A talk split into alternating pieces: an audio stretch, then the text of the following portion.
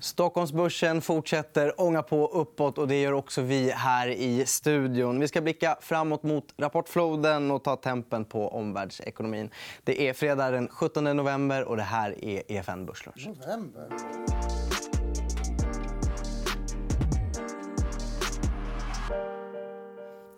Ja, ansvaret är mitt. Jag har skrivit fel i manus. Det är januari fortfarande. Albin ligger som börsen sex månader före sin tid.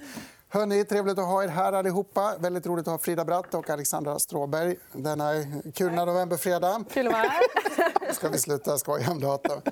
Vad trevligt det är. Vilken härlig stämning där ute. Börsen ångar på. Det finns mm. inget, inget annat inget än biter på börsen. Nej. Det är bara ångar på. Som en teflonpanna, sa du? Ja, precis. Ja, ja. Håller du med? Får vi någon ände på det här? Nej, det är ständiga rekord. Alltså, mm. Men att man ändå är förvånad varje gång, det är väl det man kan. Ja. Det är väl överraskande. Det går bra för alla utom för Bombardier som vinstvarnade och rasade. Men vi vill notera också att Sobi har klättrat ganska kraftigt. Upp 9% idag efter, eh, och efter två dagars eh, uppgång tidigare. Där följer torsdagens omvända vinstvarning. Vad ska man säga, Frida? Det här är ju låga nivåer ändå. Ja, men man kom väl egentligen inte som en blixt från klar himmel som förväntningarna har varit lågställda. Och det ser man, såg man också i kursen där, eh, mm. grafen. Så att, eh, mm. Albin, du hade tagit fram en graf från IG Markets. Tror jag, ja, exakt. Över vad som har rivstartat året. Vilka tillgångslag som har gått bäst och sämst. Och, ja, Bitcoin har gått bäst av allt, men av, av ja, det är kanske lite mer folkliga som sticker ut. Så svenska fastigheter, det verkar aldrig finnas någon ände på den festen. Det är väl upp typ 60% i år. Kan fastigheter gå ner? Ja, men det, är det, det är det man frågar sig. Nej, men, eh, min tro har ju varit att eh, det är inte så att det nödvändigtvis behöver vara en stor nedgång bara för att det har gått så kraftigt eh, under 2019. Men, men det är svårt att säga att den här festen kommer att fortsätta. Men who knows? Det är klart, det är låga räntor. Men det blir spännande att se i rapporterna nu om det ser om konjunkturen kanske gör nåt avtryck eh, i fastighetsbolagens rapporter och eh, vakansgrader och så. så att, eh, det blir spännande att se. Ja, men hela, även bostadsmarknaden är ju positiv och stabil mm. och ånga på. Absolut. Samma sak. Ja. Vi har en graf. Det finns några pessimister där ute och de är kunder hos Nordnet. Spekulerar i börsfall. Bear-fonden är populärare än eh, Bullfonden, eller hur ska man läsa Exakt. Ja, men det här är ju då börshandlade fonder med OMXS30 då som underliggande. Och då kan man ju se att de flesta eh, har placerat sig för en nedgång. Men man ska verkligen lägga till att det är på kort sikt. För Det här är ju instrument som man ofta har eh, några dagar. kanske. Eller så. Mm. Och det är kanske inte jättemärkligt nu när vi har det här börsrekordet att man tänker att det kanske lugnar sig lite grann, lite vinsthemtagningar. Så att, eh, 58% av de som placerar i det här instrumentet då, eh, tror på en nedgång. Kan det till och med vara så att, är, att de egentligen inte är superpessimistiska men ja. bara vill skydda sina portföljer ja. kortsiktigt? Absolut. Så man ska inte dra för stora växlar att det här är pessimister. utan Det är just kortsiktigt. Eh, en annan eh, tillägg till det här så kan man jag tittade på eh, av alla affärer som görs hos Nordnet så är 53% köp eh, fortfarande. Så att det, köpen överväger verkligen. Och då är det aktier, fonder och allting. Då. Så att, eh, och tittar man på fondsparare så är det eh, ännu fler, 64% köp. Men då är det många som ligger och månadssparar och köper kontinuerligt oavsett vad som händer då på marknaden. Så att, eh, men på kort sikt ja, men då tänker man att nu kanske det lugnar sig lite grann. Då. Mm. En känd pessimist är i stan. Dr Doom kallas han. Det finns många som har det öknamnet. Men eh, Noriel Nouriel eh, ekonomen, har pratat på Skagens konferens dominerat Twitter nu på förmiddagen. Han låter inte jätteoptimistisk, lite olika scenarier. Men han varnar för ett par saker. Dels ett krig mellan USA och Iran, men framför allt ett större kallt krig, långdraget, mellan USA och Kina. Ganska intressant eh, makrorisk för de långa cyklerna. Så att mm. säga. Vad är ditt take på det här? Nej, men jag tror att det, att det ligger någonting i det. Därför att, och upprinnelsen är tror jag, det här med handelsavtalet. När jag tittar på vad det inkluderas, det här 1-avtalet som vi pratar om då tycker jag mig se en större vinnare i USA än Kina. Då blir frågan varför har Kina gått med på detta. Då helt enkelt. Eh, och det, man kan vara lite konspiratorisk. också. Men jag tänker så här, dels så tror jag att, det är så att Kina har insett att det är Trump som kommer att bli president. antagligen. Det betyder att de vill ha goda relationer. Men det som är spännande är vad händer i den här fas 2-delen. Eh, det är det som är det svåra. Är det så att USA har lovat Kina någonting därför att han vill ha fas 1 avklarat inför valet? Han gjorde en stor sak och det var ett firande av Guds nåde i Vita huset över detta. Att han har lovat någonting till Kina i fas 2 Och det finns ju saker som inte berörs alls. En sån är väl eh, kinesiska staten, hur, hur eh, man står bakom företagen och ger dem fördelar. Och det berörs ju inte i fas 1. Nej, och det ska man ta upp i fas 2 tillsammans mm. med immaterialrätt och massa andra saker. Och det är ju mycket, mycket klurigare frågor. Mm. Men jag tror att det här innebär att det finns ett lite avståndstagande. Nu är de bästa vänner här.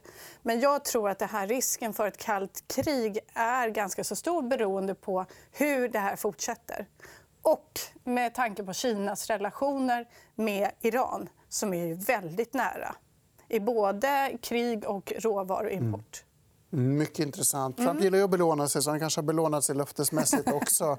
ja. Apropå Kina, vi fick eh, lite statistik. Vi fick en BNP-siffra som väl ändå var hygglig, även om trenden är nedgående. Ja, men rubrikerna när man läser om den här BNP-siffran är att det är den sämsta tillväxten i Kina då sedan 1990. Men jag tolkar det, när man tittar på de här så, så verkar det som att det ändå visar en slags stabilisering. Ja. Inte återhämtning, men stabilisering. Och det tolkar marknaden åtminstone positivt. Börsen stiger idag. Vad säger du om det? Ja, nej, men det tror jag. Man ska, man ska titta lite på längre sikt. Vad, vad är det Kina håller på med? Jo, de håller på att liksom växa in i en mer mogen ekonomi. Det innebär lägre tillväxtsiffror. Så det här är en strukturell nedgång, mm. inte en konjunkturell nedgång. Så jag tror att vad, hur man ska tolka de här siffrorna det är så här att Kinas ekonomi är stabil. Det positiva i rapportflödet var att vi ser att industriproduktionen ökade lite mer än vad man hade trott. Så Det är de positiva nyheterna. Men du ska titta på det här över sikt. Så att det är liksom ingen handelskonfliktseffekt eller någonting större. egentligen. Det är stabilt. Mm. Men det passar ju bra med all den makroekonomiska och eh, börsglädje vi har sett. Nästa graf leder in på nästa kapitel. Det ska bli rapportsäsong i Sverige snart. Här ser vi, kanske kan ta din take på det här också, Alexandra. Här ser vi börsbolagen, alltså Svensk Verkstad som sprungit iväg med börsen i allmänhet och makrodata i form av PMI som har varit lite mer tveksam. Det här är Claes Molén på Handelsbanken, en av hans favoritgrafer. Det verkar ändå som att makro nu befäster att börsen har haft rätt. lite grann. Det är den... Ja, men lite så. Och det, det som förvånar här... Vi kan ta eh, Magdalena Anderssons eh, deras prognoser igår där man använder en politisk retorik som pratar om en kraftig nedmatt, liksom avmattning och vara beredda på det här. Men vi har muskler, vi kan ta tag i det här. Men när man tittar på siffrorna så är det inte så himla dramatiskt. Eh, så att jag tror inte det. Verkstadsbolagen är en viktig makroekonomisk indikator. Eh, vi kan se en liten nedgång generellt sett men de gynnas fortfarande av kronkursen. Mm. Och då är frågan hur, hur kronkursen, hur mycket boost den har gett då i Q4 eftersom kronan ändå stärktes en del. Eh, jag tror att verkstadsbolagen måste ju ändå visa att de ser en ännu ljusare bild framför sig under resten av 2020.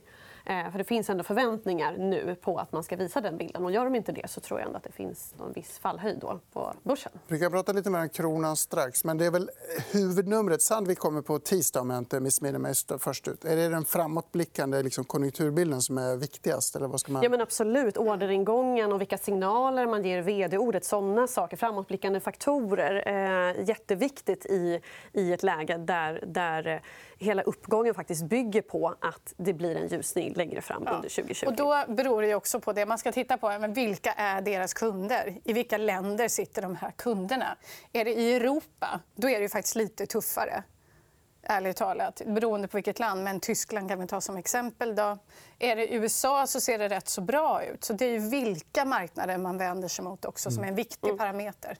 Men hur mycket mer kan börskurserna stiga på att prisa in en, en ljusare konjunktur i och med att om nu konjunkturen följer med det börsen har prisat in, hur mycket bättre kan, kan det bli? Nej, men om man tänker sig så här, om man pratar om höga värderingar så får man ändå tänka sig att så länge vi har låga räntor så blir avkastningskravet lägre om man kan acceptera högre värderingar.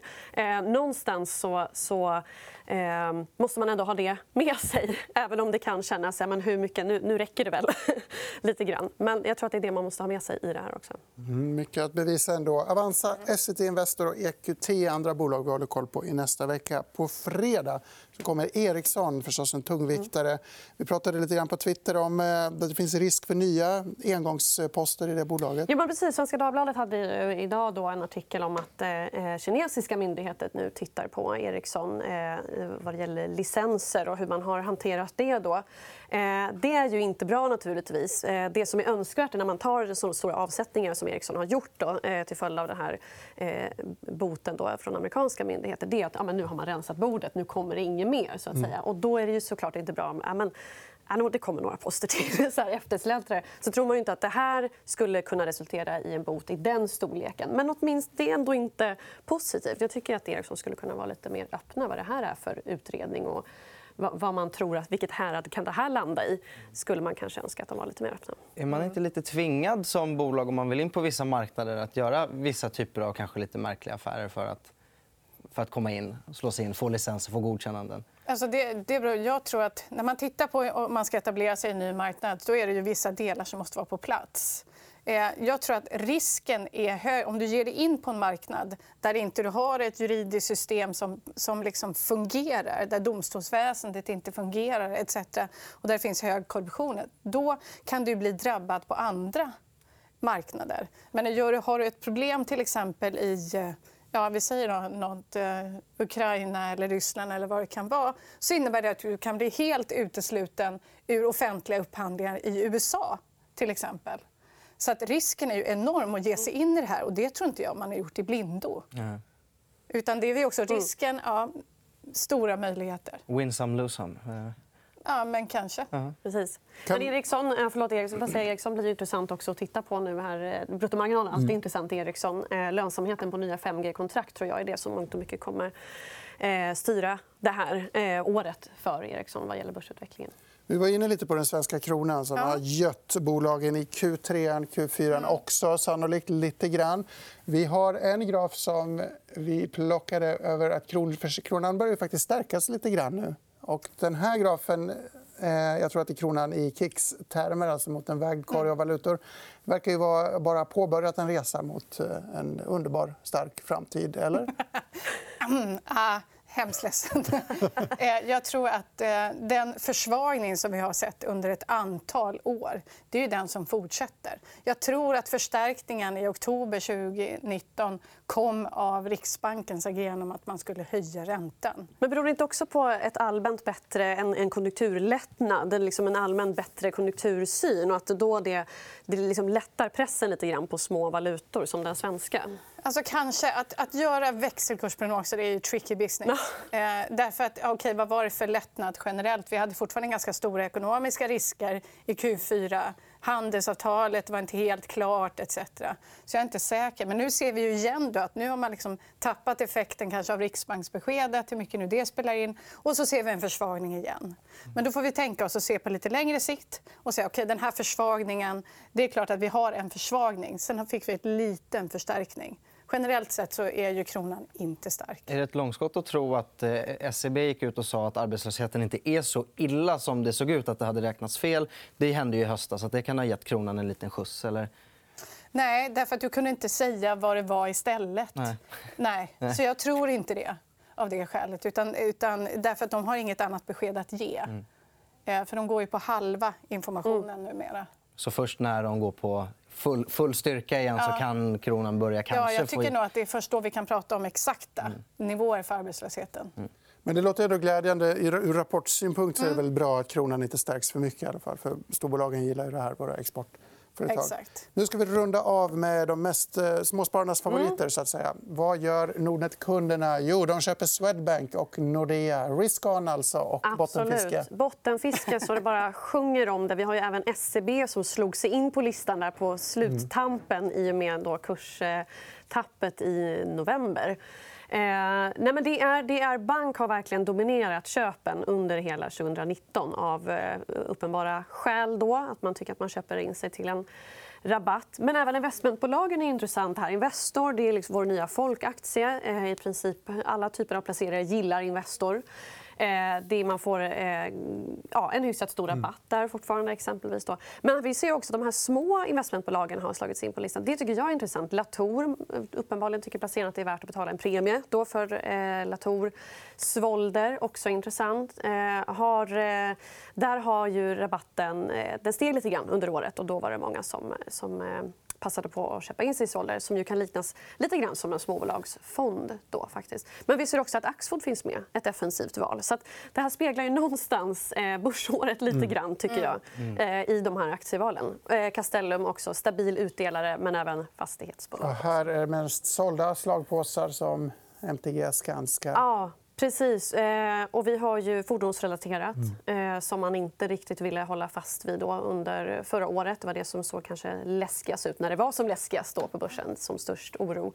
Eh, Dometic, också sånt där konjunkturkänsligt bolag. Men hur blir det om konjunkturen... Kommer vi verkligen köpa kapitalvaror då, som, som husbilar och husvagnar där Dometics produkter finns? Så att, eh, speglar rätt mycket eh, börsbilden av börsen i det här, tycker jag. Mm.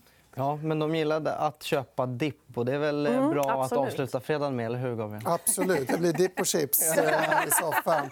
Hörrni, fredag är det som sagt. På måndag är vi tillbaka. Då kommer Fredrik Skoglund och Christian Brunlid. Då blir det småbolagssnack för hela slanten. Ett par dagar kvar till dess. Men välkomna åter. Trevlig helg. Och tack så mycket. Tack så mycket. Tack så mycket. Tack. Tack.